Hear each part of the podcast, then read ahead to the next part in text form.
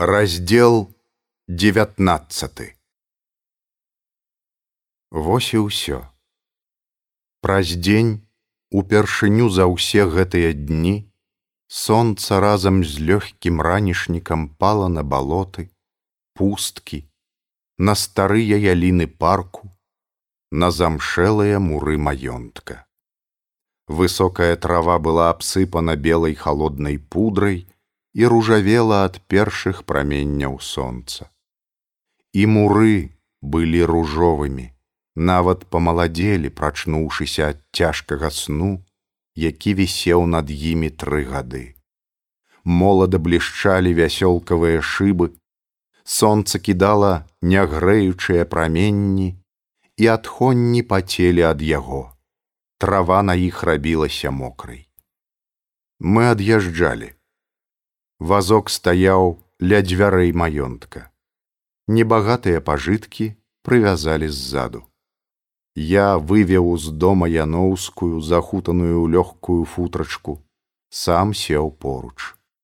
Мы кінулі апошні позірк на палац, у якім зведалі боль і пакуты і знайшлі нечакана для сябе каханне, за якое не шкада аддаць і жыццё. Што ты думаеш рабіць з гэтым? спытаў я. Яноўская знізала плячыма як ад марозу. Старыя рэчы аддам музеям.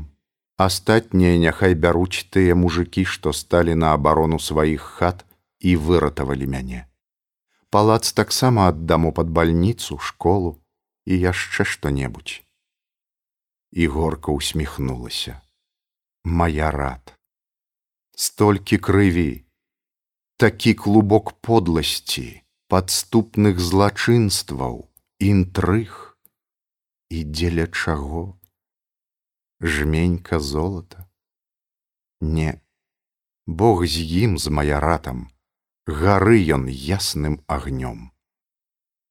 Я абняў яе за тонкія плечы. Я так і думаў. Так і трэба было рабіць. Не патрэбна гэта нам, калі мы адшукалі адзін аднаго. Мы пакінулі ў палацы новую ахмістрыню, удаву з дзіцёнкам, якіх я падабраў тады на дарозе. Слугі таксама засталіся на сваіх месцах і мы вельмі лёгка ўздыхнулі, калі палац знік за павароткай алеі. З кашмарам было скончана. Калі мы выехалі з парку на верасовую пустку, што ішла ля волатавай прорвы, і брама зачынілася за намі ў апошні раз, і ўжо заскакалі вакол курганы і пусткі, я пабачыў чалавека, які стаяў ля дарогі. Чалавек гэты пайшоў вялікімі крокамі нам насустрач, затрымаў за аброць каня, і мы пазналі рыгора. Ён стаяў у сваім кажусе, зблытаныя валасы падалі з-пад магеркі на лоб на добрыя дзіцячыя вочы. Я скочыў з воза. Рыгор, дарагі, што не прыйшоў развітацца. Хацеў адных вас сустрэць цяжка мне пасля гэтай гісторыі вы малайцы што едзеце тут паўсюль вам усё будзе нагадваць старое палез рукою ў кішэнь і пачырванеўшы дастаў гліняную ляльку. Гэта вам надзея романовна. Можа паставіць ідзе успамінаць будзеце. Надзея ўзяла яго за скроні і пацалавала ў лоб. Пасля дастала з вушэй завушніцы і паклала іх у шырокую чорную далонь паляўнічага. будучай жонцы тваёй. Рыгор крэкнуў, пакруціў галавою.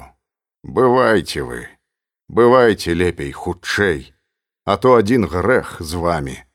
Разрумзаішся як баба, дзеці вы, жадаю вам найлепшага самага добрага на зямлі.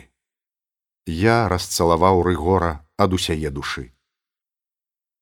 Рыгорка, лепшы друг, едзем з намі, перасядзіш той час, калі будуць шукаць дубатоўка і іншых, а то яшчэ які-небудзь паскуднік заб'е цябе. Вочары гора пасуровілі, і жолвы зарухаліся на сківіцах. Го, няхай паспрабуе. І руки ягоныя сціснулі доўгую стрэльбу, аж жылы на іх надзьмуліся. Зброя ў руках, Вось яна, няхай возьмуць. Не паеду. Маё царства лясы. І гэтае царства павінна быць шчаслівым. І я веру ў гэта просто сказаў я. Калі мы ад'ехалі далёка я з узлесся яшчэ раз пабачыў на кургане ягоны вялізны сілуэт. Рыгор стаяў на фоне чырвонага неба з доўгай вышэй галавы стрэльбаю ў руках у кажусе поўсю наверх які абцягваў яго ладную постаць ветер развейваў яго доўгія валасы цар лясных мясцін. Мы праехалі лясы праз дзень, таксама на світанні. Тут толькі я зразумеў, якая была розніца паміж яноўскім наваколлем і гэтай зямлёй. Мокрая высокая трава, сонца, радасць. І над чыстымі хаткамі бусліныя вялізныя гнёзды, і блакітная цішыня.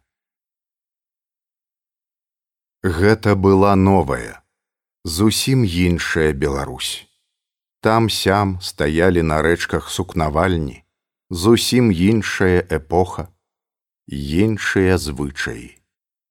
Як жа павінна была глядзець на гэта моя жанчына з 18 стагоддзя, калі нават я за гэтыя тыдні забыў усё гэта я глянуў на тую, што мелася стаць маёй жонкай. Вочы яе былі шырока і шчасліва раскрытыя. Яна прыціскалася да мяне і часам перарывіста ўздыхала, як дзіця пасля слёз. Мне вельмі хацелася, каб ёй было яшчэ лепш. І я часам нахіляўся і цалаваў яе тонкую руку. Непакоіла мяне ў той час, да і пазней толькі яе хвароба. Таму я наняў на ўскраіне горада маленькую хатку з садам. Урачы сказалі, што гэта пройдзе ад спакойнага жыцця. І сапраўды, гэта прайшло, калі яна пражыла са мною два месяцы і сказала, што ў нас будзе дзіця. Мы акружылі адзін аднаго такім морам пяшчоты і ўвагі, такой любоўю, што я нават праз двадцать год здзіўляўся гэтаму як сну. Нам было добра паўсюль, нават у Сібіры, куды я трапіў у 1902 годзе. Яна была больш, чым проста жонкай. Яна была другам да смерти. Мы жылі доўга і шчасліва, як у песні, пакуль сонца ззяла над грэшнай зямлёю.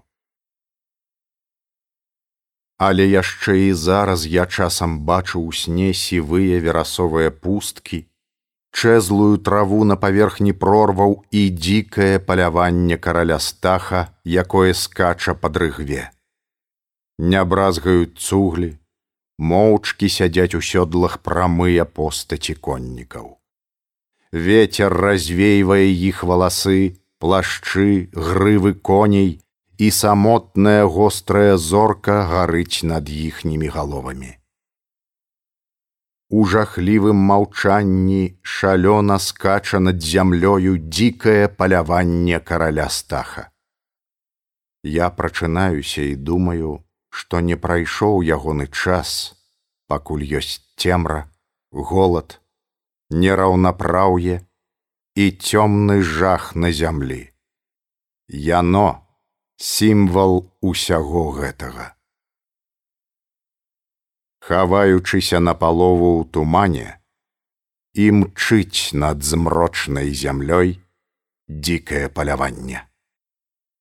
4 лютага 1958 года.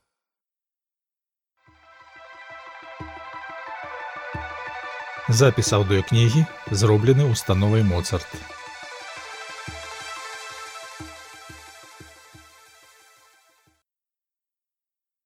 Вы слухали аповесць Уладзіміра Караткевіча дзікае паляванне караля стаха.